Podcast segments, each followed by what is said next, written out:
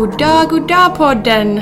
Det är Verna och Elsa här. Hallå där i stugan! Hoppas att ni mår bra. Jag hoppas verkligen att ni mår bra. Det är soligt och fint sen sommar måndag i Göteborg när vi spelar in. Ja, jag känner faktiskt att det var på tiden att vi får till att sitta här bredvid varandra och kolla varandra i ögonen in real life och podda. Det var inte igår. Nej, verkligen inte. Vi har, vi har inte varit synkade den här sommaren. Nej. Och vi snackade om det också nu innan vi tryckte på record att vi var så osynkade så det, liksom, känns som att på hela sommaren har vi inte ens sett som vänner utan det har bara varit liksom Zoom-möten för podd. Och det känns inte okej. Så nu äntligen är vi båda lite grann tillbaka i rutiner. Skolvecka nummer två för oss båda in på höstterminen och äntligen ses vi lite grann. Ja, Och ikväll ska vi hänga som vänner. ja det är kul. Ja. Vad, vilken termin läser du nu Elsa? Så nu har jag börjat termin åtta och kirurgikursen som kommer pågå hela långa höstterminen. Och för dig? Jag läser termin 10, så jag kommer göra mitt examensarbete om graviditetsdiabetes. Och eh, det handlar mest om just nutritionsdelen, alltså kostdelen. Så det är både spännande men ganska utmanande för att man måste liksom själv vara sin egen vakt. Att man sätter sig och skriver för att det är ingen annan som ser till att jag får någonting gjort egentligen. Hm. Det där är ju verkligen sånt som vissa, vissa löser det perfekt och älskar friheter medan för vissa är det där hur utmanande som helst. Att inte ha fasta tider utan att det, allt ligger i dina egna händer. Ja, Jag hade tyckt det var jättekul om vi kunde få till att köra en, ett poddavsnitt med någon, någon av de som är ansvariga i studien, dietist eller läkare. Absolut. Det är ett jätteintressant område med graviddiabetes. Ja, jag tycker också det. Men ja, absolut. Något som ska- påverkar både personen och även ett foster, alltså ett bli, en blivande person.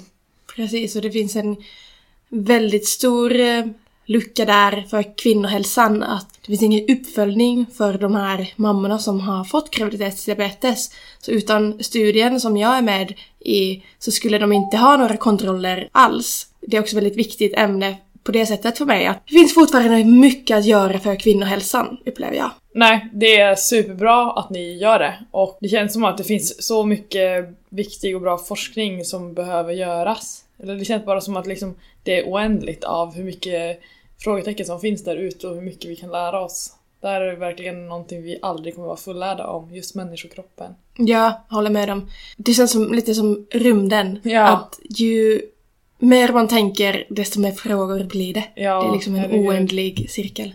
Ja, visst. Och sen även att man har forskat på någonting, man kan få en viss förståelse för någonting men det känns ändå alltid som att här, ah, man vet ändå aldrig med säkerhet om är det här så eller var det en slump eller ja. Exakt, man kan alltid ifrågasätta alla sina forskningssvar. ja. Men då ska vi ta veckans lyckopiller. Ja. Vad är din veckans lyckopiller? Ja, det här kanske låter konstigt i vissas öron, men när jag funderade så det kom ändå upp till min, mitt huvud att det är att jag idag faktiskt har börjat på ett kostschema. Och det handlar egentligen inte om att jag ska gå upp eller ner i vikt eller något sånt där, utan mer ett experiment där jag vill lära mig mer om kost och hur min egen kropp påverkas av vad jag stoppar i mig. Och det, jag vet inte, jag gillar att ha lite så här jag gillar lite experiment och hälsa är väldigt, jag tycker det är superintressant. Så det har gjort mig lite taggad och peppad inför veckan att få börja med det här lilla projektet och ha det som en liten sidogrej medan jag pluggar nu och ändå in i mina rutiner. Så det känns ändå som en liten lyckopiller i vardagen.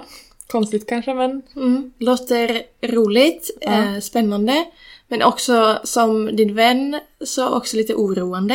Eh, med tanke på din bakgrund. Så att du inte ska liksom gå fullt eh, in i det och försvinna liksom. nej. Men eh, bara du är medveten om det så tror jag att det kommer bli jätteroligt och Ja. eh, lärorikt för dig. Ja, jag tror man får också, särskilt om man har en sån bakgrund att man är, jag känner mig väldigt medveten om det och att jag liksom kommer att utvärdera hur det går och hur det känns och hur jag mår psykiskt också såklart för det är jätteviktigt. Det är inte värt att riskera psykisk ohälsa eller liksom en ätstörning eller något sånt.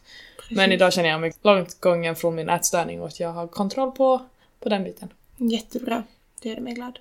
Vad var ditt lyckopiller? Eh, min veckas lyckopiller handlar faktiskt om PBS på gymmet. Låter Oho. jätteytligt och dumt men det som jag lärde mig från det var att eh, man tänker våran mentala biten sätter så många gränser för oss. Vare sig det handlar om träning eller några andra utmaningar i livet. Eh, jag fick en sån tankeställare att vi klarar verkligen så mycket mer än vad vi tänker. Mm. För förra veckan vi hade en one rep max vecka. Uh, inget jag uppskattar så mycket faktiskt. Jag tycker inte att det är en bra mått på hälsa eller fitness eller så. För att det är väldigt mycket genetiskt bakom vem som är liksom stark på one rep. Mm. Men i alla fall, vi hade det och jag gjorde det för att det stod på schemat och så hade jag faktiskt valt fel stång. Jag tog herrstång istället för kvinnors, kvinnornas stång, så det var 20 kilo istället för 15. Och jag som trodde att jag inte fick ett nytt PB på strict press, så hade jag fick, jag fick det. Och jag även höjde min marklyft på 7 kilo. Oj! Och jag hade det är missat... inte dåligt! Nej, nej, det gjorde mig väldigt, väldigt glad. Och jag hade missat det här om inte en kompis hade märkt att Men hallå, du har tagit en här stång. Oj oj oj, du får ge henne en ask choklad. Ja, så hon helt Vad underbar. Och alla bara, men fa- hur stora händer har du egentligen? För Ja, att det är sant. herrstäng är ju liksom mycket större diameter. Eh, men det gick Du har bra. använt händerna så mycket i dina patientundersökningar att du har liksom så greppstark. Ja, typ. Ja, men det var ganska roligt och det gjorde mig väldigt glad. Det gav mig energi i flera dagar. Ja. Eh, Att liksom... Men alltså även om One Rep Max inte är liksom kanske det hälsosammaste för kroppen och kanske inte det bästa testet på fitness så är det ändå någon sjukt nice känsla när man känner att liksom okej, idag är jag starkare än vad jag var igår. jag Ja, vet inte, det, man absolut. känner sig så mäktig. Ja, men jag genetiskt är mycket bättre på volym än one reps. Eh, och jag tycker inte om one rep. Nej. Men samtidigt om, om jag kör ett, kör ett program så då gör jag det som står på schemat och inte Ja. Cherry picking liksom. Så att, det var ändå roligt att jag gjorde det. Ja. Men eh, ja. Grym! Mm. Okej, hade någon eh, på killer? Det är alltid Mm. lite tråkigt att fråga om det här men samtidigt, man vill ju veta. Ja, precis. Och det var ingen så här självklar grej, men eh, när jag funderade lite så kände jag ändå att just idag och även nu inför skolstart så känner jag att det är så dumt men ändå svårt att låta bli att eh, gå omkring och liksom ha ångest och oroa sig för saker som man tänker ska hända men kanske inte kommer att hända. Typ som nu med skolan så vet jag att vi kommer ha väldigt mycket praktik och att vi kommer ha men en del så här, utmanande moment med att vi ska vara, själva vara ansvariga för patienter och presentera patienterna på läkarmöten och att vi kommer ha långa dagar, vilket jag tycker är lite jobbigt för att jag liksom gillar att, lite grann det här att styra tiden själv mer och kunna vara lite mer flexibel medan, eller på läkarprogrammet kan det vara svårt ibland för att ha så för att det är väldigt mycket fasta tider, morgonronden börjar 7.45 och eftermiddagsronden är halv fyra och man kan inte gå någonstans på en lång lunch eller något sånt utan det är liksom att vara på plats. Så sådana saker som jag kan gå och liksom oroa mig för i förväg fast det kommer säkert gå bra när man väl är på plats. Mm. Men det tar så mycket energi att man går omkring och bara grubblar på det. Mm, mm. Och det stör mig, men jag har ändå svårt att inte göra det. Absolut, jag förstår det. Det är en utmaning för dig på personliga plan också. Ja. Men det är också en väldigt bra att du upptäcker det, att du gillar det här styra tiden själv så ska du tänka på det när du väljer din specialitet eller inrikta dig sen. Så att du inte väljer en mottagningsjobb 8 till 5 liksom. Sånt. Ja, precis. Man får se det, jag ser det också som att pluggtiden är pluggtiden och då får man eh, ta det som serveras. Men Ja. sen kan man faktiskt välja hur man tänker jobba. Precis, du har inte heller så jättelångt kvar. egentligen. Nej, verkligen Så- inte. Okej, men eh, det kommer att lös- lösa sig. Mm. Så nu går vi över till din lyckokille. Min veckas lyckokiller handlar om min svårighet att förstå min kropp. Jag har haft liksom konstiga symptom de senaste dagarna. Lite ont i olika kroppsdelar och armbåge, handled, axel, idag rygg, hu- huvudvärk. Jag, jag har haft en spiral sedan 2017 eh, och det kan man ha fem år. Nu får du nog berätta vilken typ av spiral. Ah, okej, förlåt. Eh, hormonspiral. Ja. Ehm, och det som, var- varför jag valde just det, vi hade faktiskt en föreläsning under läkarprogrammet ganska tidigt om olika preventivmedel. Och jag utvärderade ah, olika alternativ då och eh, det som fick mig att välja just hormonspiral var att den släpper per månad lika mycket hormoner som en p-piller innehåller per tablett. För att det måste gå igenom hela mag-tarmkanalen. Ja, Och hormonspiralen sitter på plats. exakt. Så det fick mig att välja det för att jag vill inte liksom att min kropp ska belastas med massa hormoner utifrån. Men precis. Men nu känns det som att eh, nivåerna har nog gått ner lite med tanke på att jag har haft det så pass länge. Men jag kan ha Var det... det, hur länge hade du haft? Eh, nu har jag haft fyra år så jag kan ha det ett, det. ett år till. Just det. Jag kontaktade min eh, barnmorska som Mm. eh, hjälpte mig med all, allting liksom. Och hon bara ja du ska ha det ett år till. Men jag har liksom, jag har inte haft mens de senaste fyra åren. Eh, men sen fick jag mens nu under sommaren och två veckor sen igen. Och nu igår, alltså det känns som att någonting inte ligger rätt till i kroppen. Ja. Jag har fått dålig hud i ansiktet och finnar på ryggen. Mm. Vilket känns väldigt hormonalt för mig liksom. Ja. Som oftast inte har eh, Mm. dålig hud alls. Mm. Så jag, liksom, jag har bara svårt att förstå min kropp Ja. just nu. Och jag vill veta att allting är bra och ligger rätt till. Ja, det är min veckas lyckopiller. Att även om man har stor... Lyckokiller. Ja, precis. Lyckokiller. att även om man har stor förståelse för fysiologi och anatomi och liksom Ja. hälsa Ja. som läkarstudent. Så ändå så förstår jag inte vad är felet. Men det där är så himla svårt, jag känner igen mig i det. När man känner att man liksom inte mår som man tycker är normalt. Mm. Och man, alltså det är ändå svårt att kunna urskilja, aha, hormoner? Frågetecken. Eller om man har mixat med läkemedel. Eller är det bara livet? Är det något annat som är fel? Är det sömn? Alltså, Precis. hur ska man veta? Och det Ja. kan ju typ ingen läkare svara på bara sådär. Nej, nej exakt. Och just det här med att sömnen och kosten och maten och eh, jag har haft liksom ganska lite energi de senaste dagarna. Dålig motivation när det gäller träning. Jag har ändå gått dit och liksom, jag vet inte riktigt. Jag har också eh, försökt tänka på, är det bättre att bara köra för att jag vet att jag kommer må bra efter träningen? Eller är det bättre att lyssna in min kropp och kanske ta det lite lugnt? Det där är så svårt det är och jag så vet att svårt. båda vi två har en tendens till att ändå gå och träna. Så ja, då kanske det är bättre egentligen att liksom, om man vet att man har tendensen till att köra på för, hellre för mycket än för lite. Kanske Ja. då att ha det i bakhuvudet och om man funderar på att vila så kanske det faktiskt betyder Mm. att man ska vila. Jag har faktiskt tagit väldigt lugnt idag. Jag gjorde lite sådana här mobility-saker och eh, har tagit med promenader det senaste. Så försökt eh, sänka lite intensiteten på Mm. träning. Det är jättebra ju. Mm. Men jag tänker också på att vi går in i en ny alltså, säsong.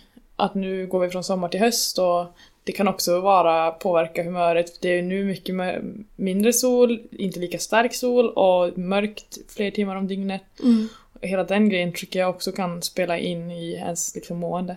Absolut. Men då ska vi gå in på dagens ämne. Jajamän. Vi kommer prata om cancer och en cancerforskare. Men jag tänker att vi låter honom, eller vi låter att han presenterar sig själv. Ja. Vi hoppar rakt in i det. Välkommen eh, Gunnar! Vill du berätta vem du är till mig? Jag vet in- inget om dig egentligen. Mm, jag, jag, idag är jag, är jag seniorprofessor på Sahlgrenska akademin. Seniorprofessor i klinisk cancerepidemiologi. Jag har hållit på ett helt liv. Först tio år som onkolog där man ger cellgifter och strålbehandling. Och sen gradvis har jag förvandlats till forskare och först studerade jag orsaker till cancer. Men numera så är mitt huvudintresse att försöka göra ett bättre liv ta fram kunskap så att de som har överlevt cancer och som är canceröverlevande får ett bättre liv och kan återgå till fu- full fysisk och psykisk hälsa. Spännande. Och jag har ju fått förmånen att även vara med och arbeta med dig i din forskning i sommar och nu kanske framöver också till hösten. Mm. Vad, är det något annat du jobbar med just nu än forskning? Är det, eller hur ser det ut? Hur ser vardagen ut för dig liksom? Alltså jag har ju varit väldigt, väldigt engagerad i det här med covid-19 och den totala katastrofen som Sveriges förhållningssätt har varit till, till den här pandemin. Då, med, då man har helt och hållet eh, undanhållit basala fakta till, för svenska folket med tron att det skulle vara bra att det spreds snabbt och sen Eh, kan man ju inte backa från det. då. Så att man har ju undanhållit att munskydd fungerar och att munskydd borde över, användas överallt. Och man har ju undanhållit att, att det är en luftburen smitta och man har undanhållit att man smittar som mest några dagar innan man insjuknar och kan smitta även om man är symptomatisk. Och Man har, man har inte fixat en app. Så jag har ägnat ganska mycket tid åt det där. Det är har stor oro för mina barn och mina barnbarn. Och sen eh, arbetar jag också som medicinsk chef på ett litet bolag eh, så här som pensionär för att dryga ut mina inkomster. På ett, litet bolag och säljer, en, säljer biomarkörer. Okej, okay, just det. Och innan vi går in vidare på cancern och pratar om cancer som ska vara dagens tema så har vi en fråga som vi brukar ställa till alla som eh, gästar oss. Och det har varit väldigt olika svar hittills men det här är en personlig fråga då. Vad är ditt bästa hälsotips? Väldigt bred fråga men du får tolka den hur du vill. Alltså, mitt bästa hälsotips är att ta till sig den kunskap som finns vad gäller hur vi ska leva och eh, vad vi ska äta och eh, i min ålder så, så är det ju lika mycket att man håller koll på, just som vi pratade lite grann om blodsockret, så att man eh, håller, inte insjuknar i typ 2-diabetes. Man håller, håller tips på eh, blodtrycket. Men i, i er ålder så handlar det ju om att hålla vikten, äta åtminstone ett halvt kilo frukt, bär, grönsaker, rotfrukter per dag. Att undvika eh, animaliskt fett och kött och istället äta fågel och, och, och fisk. Och eh, att röra på, att vi rör på sig, kanske inte så mycket som på Esla Hasslers eh, hemsida säger, men, men att eh, hålla igång och motionera ett antal dagar i veckan. Det är liksom, sen eh, naturligtvis om man har, eh, när man börjar komma i arbetsför ålder att man inte att man verkligen ser till att återhämta sig och inte, inte går in i den berömda väggen. Och, eh, att, och då, det är ju ganska få i Sverige idag, men det finns ju fortfarande kemiska hälsorisker, att man ser till att skydda sig ordentligt från dem. Mm. Det var många hälsotips i ett, men det var ju jättebra. Ja, Jag fick ett smörgåsbord. Ja. Okej, okay. men eh, om vi går vidare in på... Ja, och just, och just nu så handlar det om att man verkligen använder munskydd inomhus. Mm. Eh, att man förstår att det är en luftburen smitta och eh, att, man, att man håller fysisk distans. Och, och, och det just nu uppförs ju många här i Stockholm. Det är just nu som att det inte finns en pandemi. Nu kommer ju deltavarianter och lambda-varianter. Och, så att tyvärr, tyvärr så måste vi återkomma till att man måste skydda sig och skydda sina barn tänka på mm. andra. Det är, det är om omtänksamhet om andra som man ska bära munskydd också förstås, inte mm. minst om man arbetar i sjukvården. Ja, verkligen. Det är intressant. Varför tror, du att, varför tror du att de har underhållit den informationen i Sverige? Nej, men man fick ju för sig vet du, i februari här att förra året att det här var ungefär som en influensa så att unga människor skulle inte bli speciellt sjuka så låt oss låt det här svepa igenom befolkningen tills det blir flockimmunitet. Så att man sa ju två saker. Man sa ju till äldre, håll er undan, och så sa man till yngre, lev som vanligt. Och, eh, så att då höll man ju undan de här sakerna för att helt enkelt man trodde att det skulle vara bra att smittan svepte över befolkningen. Men man, man, eh, man hade ju helt fel. Va? Och sen har man inte kunnat backa, backa bort från det. Mm. Och, och, regeringen och även de fyra oppositionspartierna som ligger närmast regeringen blev ju indragna i det här. Va? Så det, det uppfattar jag som bakgrunden och idag är det ju totalt låst alltså. Så, men det är ju förfärligt det som har hänt. Vet du. Det är helt förfärligt. Mm. Mm. Hoppas på en ljusare framtid. Hoppas på. Mm. Då får vi bara, det här är en oändligt intressant ämne men vi får dra oss tillbaka till dagens ämne tycker jag. Mm. Eh, och kanske kan du berätta lite mer om din forskning och vad har du som hypotes där i bakgrunden som har lett till eh, den forskningen du gör idag? Alltså det finns en intressant parallell till long covid. Om du tänker Hannes Kjöller och andra som har skrivit om long covid så det är ungefär som att man inte, att man fortsätter att älta att man varit sjuk och att det är, att det är psykologiska reaktioner. Eh, men det visar sig ju på long covid att det är ju patofysiologiska processer som vi ska förstå, autoimmunitet och annat. När det gäller canceröverlevande så har det här gått mycket, mycket långsammare. Då. Så när jag var som mest kliniskt aktiv på 80-talet så var det ju ingen som pratade om vad som hände sen, vad vi ställde till med vid våra cellgifter, vår strålbehandling med kirurgi. Och ingen följde upp då, precis som du berättar om när det gäller graviditetsdiabetes.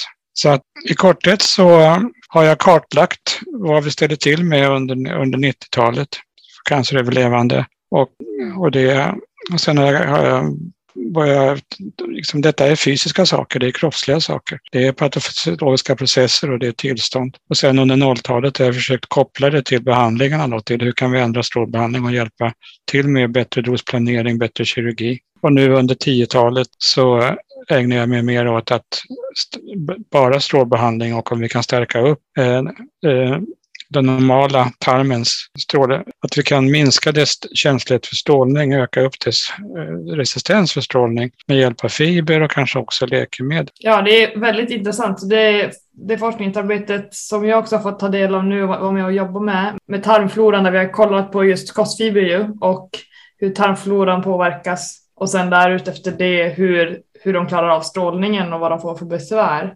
Vad, liksom, vad är din förhoppning att, att det ska kunna bidra med till, om man ser på den stora folkhälsan? Alltså visionen är att vi ska kunna, alltså naturligtvis i en perfekt framtid, eh, bota alla från sin cancer samtidigt som all, all hälsan och just nu är det tarmhälsan helt återställs. Och, men på, på kortare sikt så, så handlar det om att uppmärksamma att det, här är ett, att det här är ett problem och förstå vad är det för processer?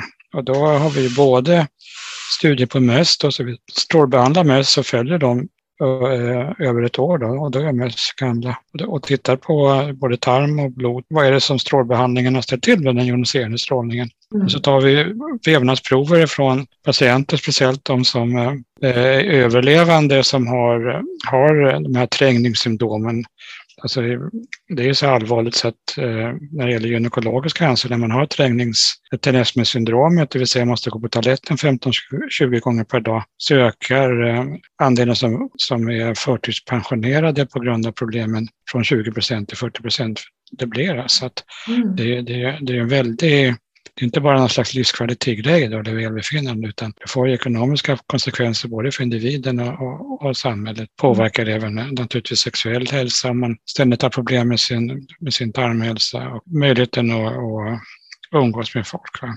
Är det just det som är det största, alltså den största problemet efter strålbehandling, det här med att man behöver gå på toa ofta? Ja, när vi pratar om strålbehandling till en tumör som ligger nere i lilla bäckenet, då pratar vi om gynekologisk cancer, tarmcancer, prostatacancer, urinblåsecancer, så skulle jag vilja påstå att när man har problemet, då är det det största problemet. Mm. Sen eh, totalt sett så, så alltså tarmhälsan åter, man, får inte, man återfår inte tarmhälsan helt, men, men det, är, det är ju lindrigt hos, hos, hos en viss andel. Sen eh, hur man mäter det här, vad som är det största problemet, sexuell hälsa, är, ja, det, det är svårt att jämföra de här olika problemen som kommer på lång sikt när man säger störst. Utan, men när man har det här bekymret, det är ju ingen som blir förtidspensionerad på grund av nedsatt eh, sexuell hälsa, inte blir deprimerad av det i och för sig, får mm. äktenskapliga problem och så vidare. Mm. Men, men, men det blir man ju av nedsatt tarmhälsa. Så på det mm. sättet är det ett stort problem. De eh, cancertyperna som du nämnde, eh, finns det en grov, grov uppskattning vilken åldersgrupp de förekommer oftast? Ja, alltså gynekologisk cancer, där har du ju livmoderhalscancern som är bland de yngre. Va? Så, när, så när du går upp i åldrarna så, har, så hittar du tarmcancern. Då. Mm. och visst urinblåsecancer. Och sen, eh, sen har ju faktiskt diagnostiken när det gäller prostatacancer har ju sjunkit. När jag var igång på 80-talet då var ju det medel, medianåldern var ju 73 år vid insjuknande men det började sjunka neråt mot 65 i och med att man har de här screeningprogrammen med PSA, antingen strukturerat eller ostrukturerat. Mm.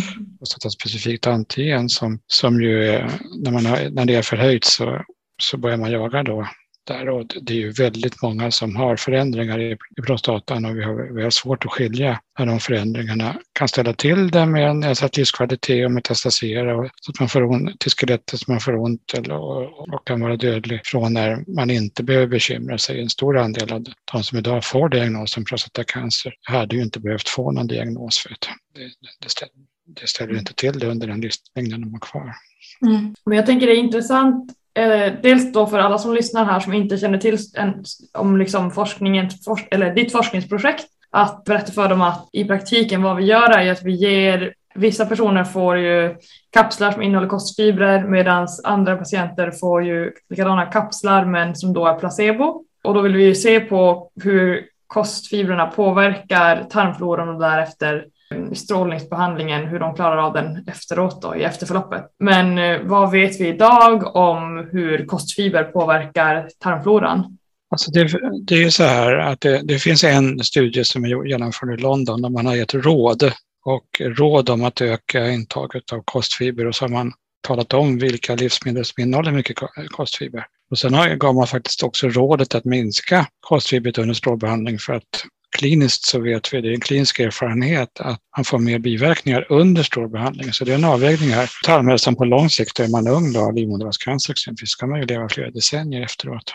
Mm. Och, och, biverkningar under de här fem, sex veckorna. Och vad vi gör eh, är väldigt, alltså det är ju så, som forskningen ser ut så är de stora pengarna finns inom läkemedelsindustrin. Va? Och därför vet vi väldigt mycket om eh, ganska små effekter ibland på, på läkemedel som då används. Och eh, de här jättestora effekterna som jag och andra misstänker finns vad gäller kostintaget under strålbehandling inte alls beforskat på något sätt i närheten av hur, hur läkemedel är beforskade. Och så är jag väldigt glad att jag har lyckats få så goda, för, för en forskargrupp, goda, goda resurser då från Sjöbergsstiftelsen och från Vetenskapsrådet och från den lokala Jubileumsfonden, så kallade JK-fonden och den Svenska cancerfonden för att kunna bedriva, för det är dyrt att göra sådana jämförande studier.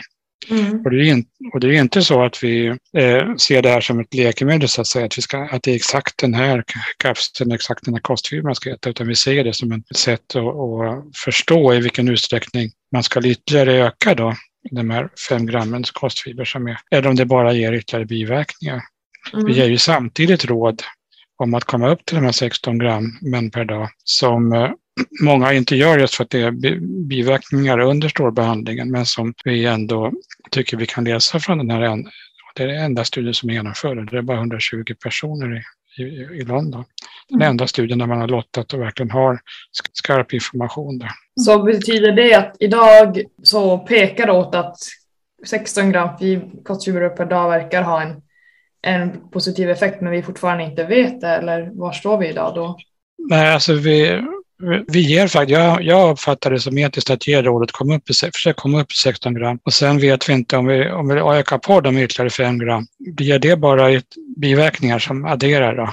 Uppblåst mage och, och flatulens och alltså gasbildning som kan vara ljudlig och luktande. Och, och eh, alltså, känsla av obehag och smärtor. Mm. Eller är det så att man har en ytterligare vinst så att säga. Va? Men sen eh, mäter vi också kostintag från fiberrika livsmedel, både via enkät och via en app för de som vill använda appen. Ungefär hälften av patienterna mm. rapporterar ganska ofta då hur de äter. Därmed får vi också mer information som inte kommer från just den här lottningen då, men vi får observationell information så vi kommer lära oss mycket om vilka livsmedel som skyddar och vilka livsmedel som kanske ger biverkningar. Och, och som sagt var, först efteråt vet vi om de som blev lottade till det här tillskottet, om de bara fick ett el med extra elände under strålbehandlingen eller om de får en bättre tarmhälsa på sikt.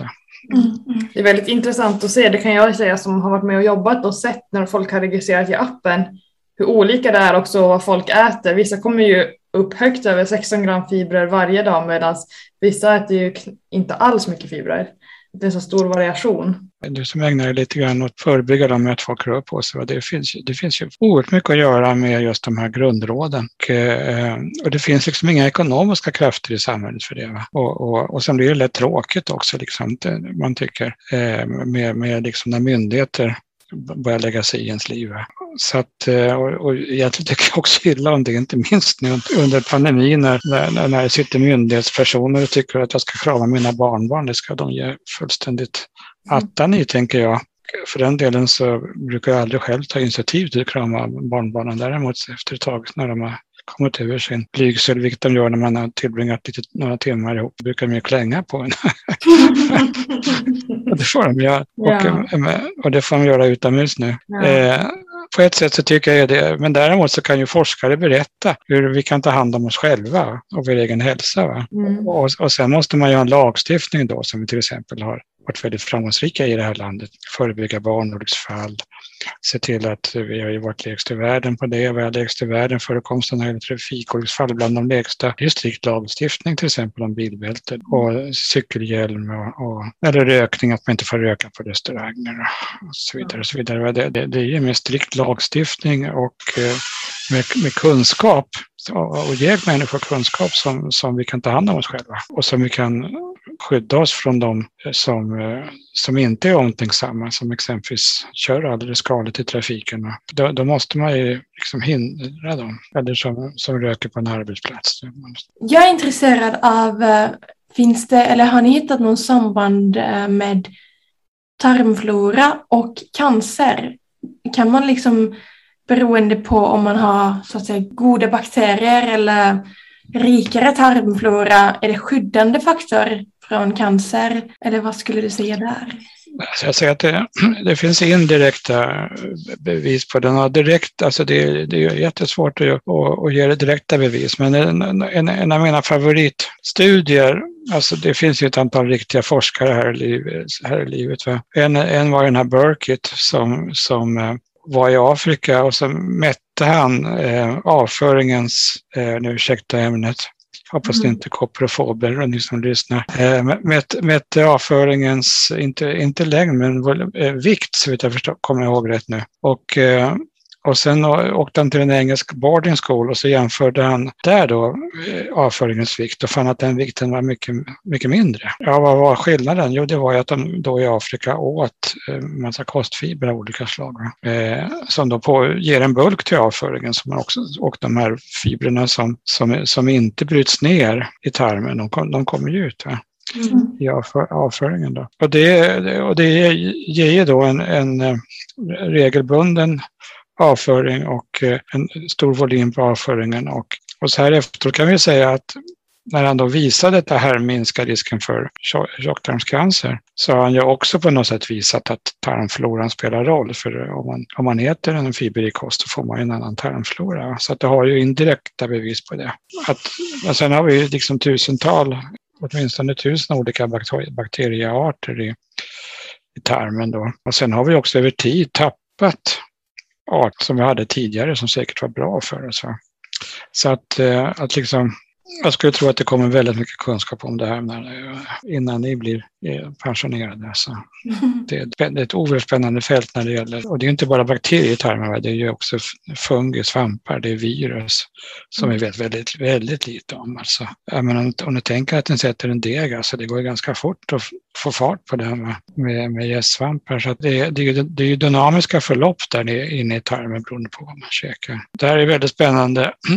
Eh, jag ska, eh, som svar på din fråga kan man väl säga att, att allt tyder på att det är så, att det finns, finns en sam, ett samband, alltså orsakssamband. Exakt hur det ser ut idag, mer än att återigen att det är bra att få i sig de här rotfrukterna och grönsakerna och bären, va? frukterna. Och bland annat för kostfibrer men också naturligtvis mm. mineraler och vitaminer. Och så mycket längre kommer vi inte när det gäller preventiv medicin. Eh, däremot börjar vi få eh, den första vegan, vegetarianmaten kom till Sverige. Då skulle man sitta och tugga i sig stora berg så här med grönsaker. Men idag finns det ju väldigt, väldigt god mat. Alltså. Och det har ju Årets gröna kock som vi har faktiskt samarbetat med kring efter cancern här. Hans Peter Christiansen tror jag han heter. Det är en spännande matlagning också att utveckla sig som jag har tänkt ägna mig åt nu som pensionär. Kul! Kul, verkligen. Men, jag ska bara ställa en följdfråga här. Eh, du nämnde också vitaminer och mineraler där. Spelar det någon roll för tarmfloran ifall vi tar dem som tabletter eller eh, via kost? Ja, alltså, det vi vet är att tabletter är farligt. Och, eh, och det vet vi ju från den här finska studien där man randomiserade ett antal rökare mellan att äta betakarotin i tablettform och äta placebo. Att, att, man, att man utformade den studien, det berodde ju på att man hade då epidemiologiska data där man konstaterade studie efter studie att lungcancerförekomsten var lägre bland dem. Och det stod då i artiklarna liksom, betakarotin 0,8 då till exempel. Att, att det var en skyddande effekt. Men sen när man då gav betakarotin här, och man gjorde det till rökare då, ja, då fick man helt plötsligt en överrisk. Det var en jättestor studie som gjordes i Finland med stora amerikanska pengar. Ibland kan man få fram stora pengar för den här typen av studier från Amerika. Då. Eh, så det var en överrisk. Det var faktiskt hundra män som en överrisk som den här studiens tabletter slog ihjäl om man ska uttrycka det drastiskt. Och vad, vad händer då? Jo, det visar ju sig att det här betakarotinet som då är det som gör att det blir gult i morötter och gul paprika och finns i, i många grönsaker. Det eh, gavs ju då i, i suprafysiologiska doser, det vill säga vi får aldrig i oss sådana doser som man får i sig vid de här tabletterna och eh, jättehöga doser. Men det finns hundra andra karotenoider. Alltså det, det, det, är ett helt gäng med A-vitamin av olika slag, då, karotenoider. Och de jobbar ihop på något sätt. Va? Eh, så att eh, det var väl liksom den första reaktionen vad, vad var det som hände? Men sen kom Martin Bergö och då fanns han fortfarande i Sahlgrenska akademin, nu är han uppe på Karolinska. Och han visade om man ger, om man ger sådana suprafysiologiska doser till möss där man har initierat en liten, liten, några få cancerceller. Så istället för att skydda då de normala cellerna från att, att något tokigt ska hända så, så när man får sådana höga doser så skyddar man istället cancercellerna.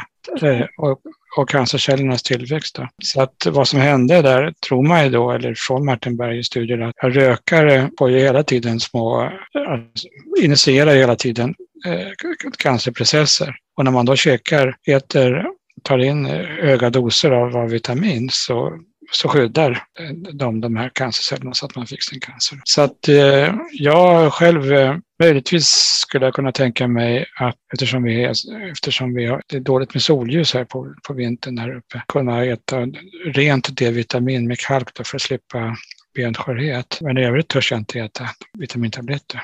Ja, nej. det var jättebra. Det var verkligen intressant och bra. Superintressant. Mm.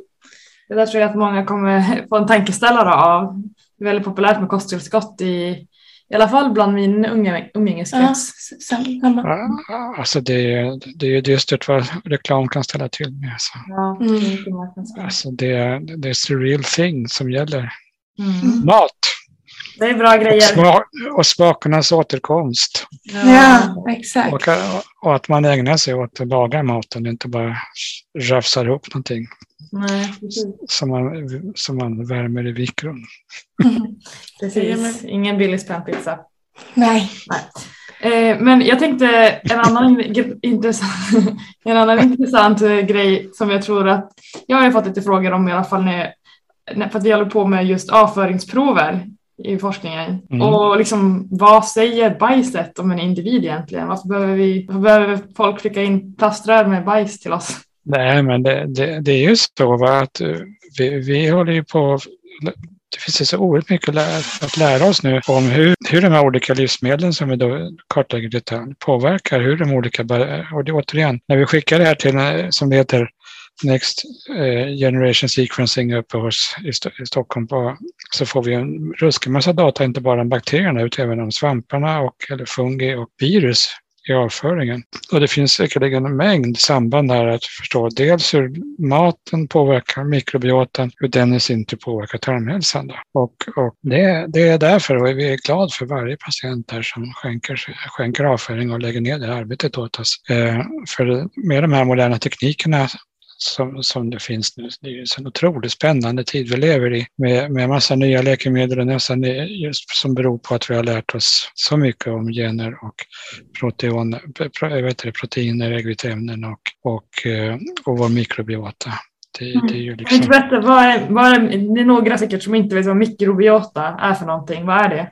Ja, det är ett samlingsnamn då för att våra kompisar i tarmen helt enkelt. Ja. Eh, som vi har blivit kompisar med sä säkerligen väldigt tidigt under evolutionen. Alltså det är bakterier, det är virus, det är, det är, det är svampar. Och, men, men som med den här pan-pizza-kulturen och vitamintillskottet kanske riskerar att förlora ännu, ännu mer. Mm. Det, finns ju, det finns ju idéer om att man ska börja, ja, man äter ju, probiotika är ju bakterier då. Och eh, det finns ju även eh, bajs, om ni ursäktar ordet, som fortfarande har en viss klang, eh, bajstransplantation. Och mm. eh, alltså det, jag har ju haft en bra tid jag också. Det har hänt mycket spännande i min livstid, men ni, ni kommer ju, det kommer ju hända så oerhört mycket intressant biologiskt, alltså, medicinskt. Mm. Ja. Så spännande. Ja, man blir taggad på framtiden Ja, när, man, verkligen. när man får höra sådana här saker. Hinner jag ta en följdfråga till det här? Ja, ja. Jag tänkte bara det här eh, med tanke på hur mycket antibiotika vi använder idag. Hur stor skada tar tarmfloran när vi tar en antibiotikakur? Och hur Alltså, kan man förebygga att det inte skulle ta så stor skada? Hjälper det med mikrobiota då? Eh, med probiotika tänker du? Probi ja, probiotika, förlåt. Eh, eh, Men alltså det, det, jag skulle tro att det är så här att skadan är mycket större än vad vi tror. Eh, Det är återigen epidemiologisk forskning som, som måste till då för att följa det här över tid. Och det, det, det, det är inte så, återigen, alltså negativa effekter av, av läkemedel är, är det ganska dåligt med forskning kring och även har blivit bättre. Då, då. Och, och eh, det, det, det första är ju att när du äter antibiotika så du har ju en massa bakterier i tarmen, även bakterier som, som har, liksom en, skulle kunna ha kraft och, och ge dig sjukdom. Då. Och, eh, och de kan ju mutera och, de, när, eh, och godartade bakterier trycks tillbaks och de blir, de blir många och delar sig mycket. Va? Så att eh, du kan ju alltså få en bak resistent bakterie själv Förutom att du också då bidrar till att vi får resistenta bakterier i samhället. Va? Så att det, det, är liksom, det är liksom nummer ett varför det kan vara klokt att, vara försiktig med antibiotika. Sen eh, nummer två är just att det, alltså det, eftersom vi bara är i början på att förstå det här, hur, vilka skador vi får som du kallar det för, eller vilka rubbningar i tarmfloran vi får som sen kan ligga där under lång tid och senare ge sjukdom, det har vi ingen aning om. Utan, men alltså försiktighetsprincipen ska ju gälla och eh, att, att käka antibiotika för att bli frisk någon dag tidigare, det, det uppfattar jag ju som bara korkat liksom. Mm. Det, ursäktar. Och sen vad som gäller probiotika eh, efter antibiotikakur eller i samband. Alltså det är ju så få bakterier som säljs. Det, det är ju några få. De är säkert, kan, kan säkert vara bra i vissa sammanhang, men vi har tusen arter där. i. Så att vi är bara i början på att förstå det här. Okej. Vi, vi måste ha en försiktighetsprincip. Sen är det ju absolut så att det finns, finns tillfällen där vi ska använda antibiotika. Men min egen syn på det där är att typ generisk sjukdom, med venerisk sjukdom, så könssjukdomar, så, så slår man ju till med kanske en endosbehandling, för det har man forskat på för att typ gonorré, va? samma samma kan ju gälla vid urinvägsinfektioner, att man kan ta egentligen en högre dos från början kanske snabbt och, och, och behandla det kortare tid. Och, alltså det, men den typen av användarforskning är också klart eftersatt. Va? Det är inga, speciellt när det gäller billiga läkemedel så är det inga som inte, bolag som är intresserade av den typen av forskning. Den ska då drivas av akademiker som, som vill ta fram den kunskapen. Det, det finns mycket att lära här. Ja. Svårt att veta själv också tycker jag hur man ska tänka om man får till exempel urinvägsinfektion. Om läkaren erbjuder det, om man ska säga ja eller nej. Mm. Man vill ju gärna tro Ja. på det. Sen är det missinfektion. Att pissa taggtråd är ju, är ju obehagligt. Alltså. Och det är inte bra om de stiger upp till över urinvägarna. Nej. Man behöver ju inte ta bredare spektrum än vad som finns. Det är bra att ta en odling så att man verkligen kan, kan, kan sikta rätt så att säga. Mm. Så innan, innan man sätter in. Ja. Mm. Eh, även om eh, man hinner bli bra den här gången så kanske det är samma bakterier som visar sig nästa gång. Ja, nej, men jag, min, min filosofi när jag var aktiv var ju liksom att vara återhållsam, men sätter man in det, sätta in det ordentligt. Liksom. Ja, det låter jätteklokt. Mm. Ska vi ta sista påstående eller fråga? Ja, där är en fråga som jag, jag tycker den är intressant för att den har kommit till mig, jag, jag håller på mycket på Instagram och det är många som har skickat till mig frågor eh, och just på DMs om det här ämnet. Vill du ta frågan? Mm, jag kan läsa den. Det är många som påstår att socker driver cancerutveckling och att man kan bota cancer med sockerfri kost. Stämmer detta? Nej, det, det finns inga data som jag känner till som kan stödja det. Vad jag känner till om, om cancertumörer är att de, de tar den, de tar ju den näring de behöver så att säga. Så att, eh, utan det, det här är mer ett eh, psykologiskt, sociologiskt fenomen, alltså hur, hur uppkommer sådana här föreställningar? Var kommer de ifrån? Vem driver dem? Och eh, det är ju som eh, sådana här antivax människor, just vaccineringsmänniskor nu. Och, alltså alla de här konstigheterna som, som finns där ute och florerar på nätet. Väldigt mycket. Var kommer de ifrån och vilka driver dem och vilka drivkrafter har de?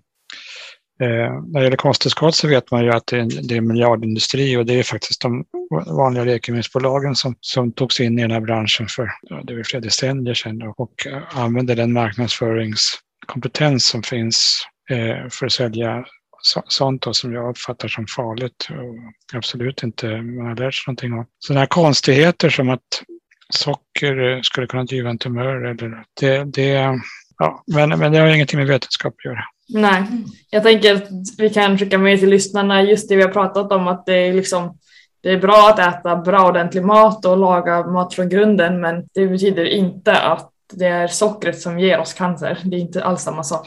Precis, det är helheten och inte nischa sig på ett nutrient, alltså ett födoämne. Ja, exakt. Ja, det är precis så. Alltså det, det, vi är omnivorer, alltså så är det bara. Mm. Och, och eh, vi, vi ska käka det mesta. Och, mm. och det, alla de här magiska föreställningarna kan mat har ju alltid funnits. Eh, men det har ingenting att göra med modern vetenskap, utan det är ju liksom magiska föreställningar som uppkommer inom religion eller andra typer av, ska vi kalla det för, sektliknande ja. situationer. Va? Mm. Men sen när det gäller cancer så, så ska man ju också veta att, att eh, alltså, de som blir sjuka, alltså, när då växer och eh, man, man sedermera avlider i sin cancer, de, de får överhand både näringsbrist och eh, kaloribrist. Då, då, ska man ju dra på. Mm. Eh, då ska man ju dra på med att äta ordentligt och dra på med grädde och glass och, och eh, sånt som, som vi andra inte ska bli, bli feta av för att hålla vikten. Då. Mm. Precis. De behöver all typ av näring som bara de kan få i sig. Mm. Exakt så. Ja. Precis så, och inklusive socker förstås, om man tycker om socker. Så, I Örebro såg jag igår en affär som heter Sockerkicken. Ja, det är väl de som kan gå dit alltså. Ja, mm. precis. De sålde, sålde godsaker. Ja. Vad Sen kan man, sen kan man väl unna sig ibland när man, man behöver ju lite socker efter en måltid för att inte dumpningen ska bli förstärkt. Så att den dippen som kommer av insulinpåslaget. Ja, men, det är en, men det är en annan fråga. Mm.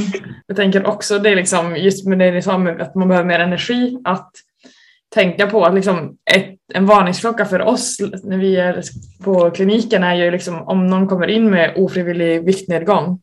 Det är en sån eh, varningsklocka för cancer och då, alltså, då behöver man verkligen fylla på med energi. Mm. Mm, man lär sig en gång i tiden. Ja. Wow, det var jätteintressant. Ja, vi har lärt oss massor. Ja, jag hade kunnat fortsätta. Jag, tänkte, jag har ännu fler, alltså, ännu fler frågor i mig än vad jag hade innan vi pratade. Men ja. så är det ofta när man börjar prata om något ämne. Fler svar, just fler frågor. Ja, så är det. Ja. ja, tyvärr är det, tyvärr är det det som är det dystra livet för en forskare. Liksom, att så fort man kommer fram till något så finns det tio nya frågor. Och tyvärr så blir man liksom aldrig färdig. Utan Mm. När man ligger där i träkistan så fick man aldrig reda på riktigt hur det var egentligen. Alltså. Mm. Det är också det roliga i det hela, att man blir aldrig färdig. Eller jag tänker i alla fall, jag får ofta mm. frågan bara, ah, du läste termin 10, snart är du klar? Och jag bara, nej, man blir aldrig klar. Jag tycker att det är det intressanta med det här att mm. vetenskapen går framåt och vi får plugga evigt. Ja. Jag tänker att det finns en anledning också till att man säger att läkarprogrammet är så långt med AT och ST och det, att det liksom just människokroppen är så extremt komplex och hur, alltså, hur ska vi kunna lära oss allt om den? Mm. Ja, och sen utöver det är vi människor extremt komplexa också. Ja, mm. verkligen. liksom, vi är konstiga varelser, visst är vi. Ja, och, och liksom fascinerande varelser också tycker jag. Ja. Gunnar, har du någonting mer du vill tillägga innan vi ska avrunda för dagen? Nej, det har jag inte, utan keep up your good spirit. Ja, okay. tack. Väldigt kul att du får intervjua dig så här. Jag har jobbat och pratat med dig mycket, men det är kul att få en sån här liten frågestund. Ja, det här var supernice. Ja, men det var mitt privilegium. Ja, vad kul. Superstort tack. Ja, tack alla ni som ville lyssna på mig som har lyssnat så här länge. Ja, Mm. Okej. Okay. Ha en fortsatt trevlig eftermiddag. Ja, detsamma till er. Ja. Tack. Hej då. Vad trevligt. Ja. Hej då. Hej då. Så där, vad intressant. Alltså, efter sådana här samtal är jag så glad att vi gör den här podden. Mm. Inte bara för att jag får sprida kunskap men också att jag lär mig så extremt mycket Mm. och får prata med sådana här erfarna forskare. Mm. Och de tar sin tid. Alltså jag är så, Ja, jag är så ja, glad just ja. nu. När man känner liksom innan, typ som för mig nu, jag drar från skolan och det egentligen är liksom självstudier eftermiddag.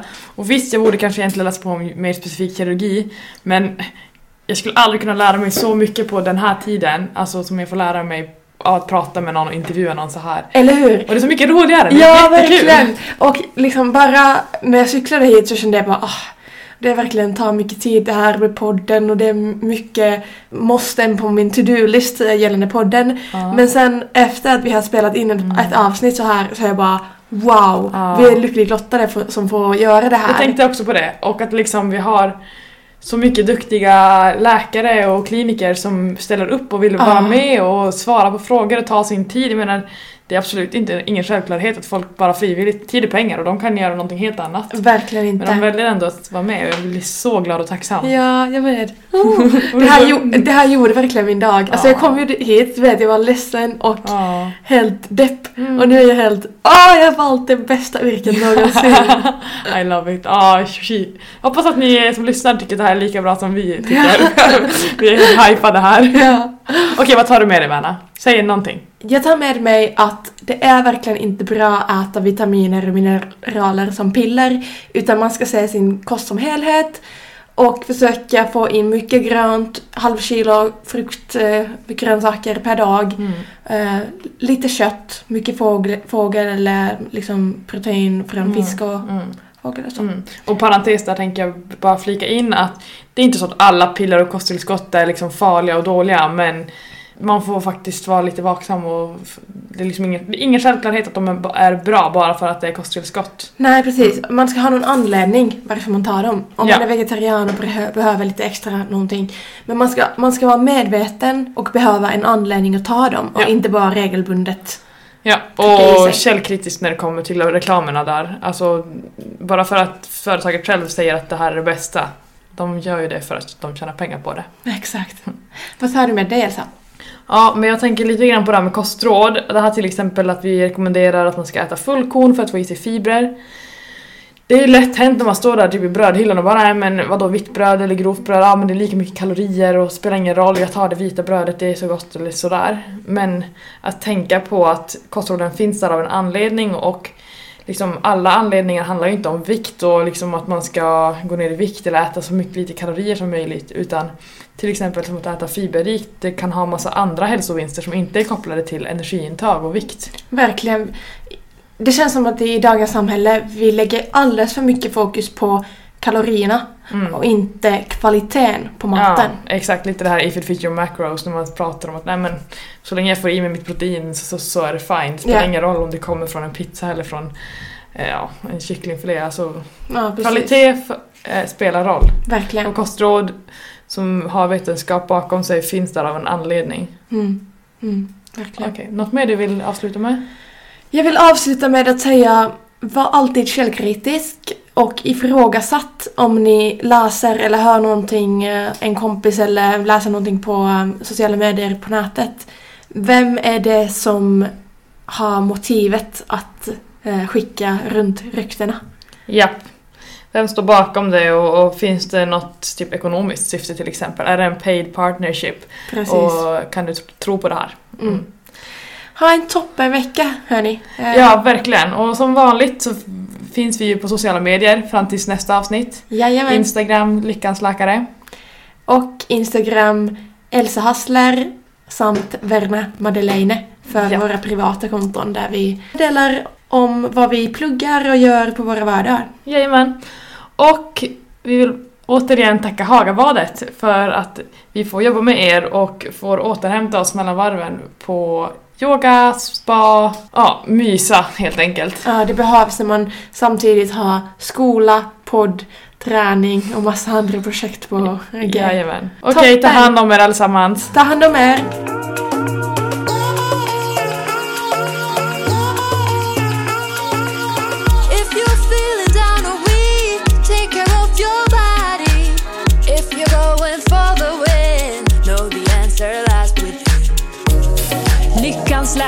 Med Värna och Elsa.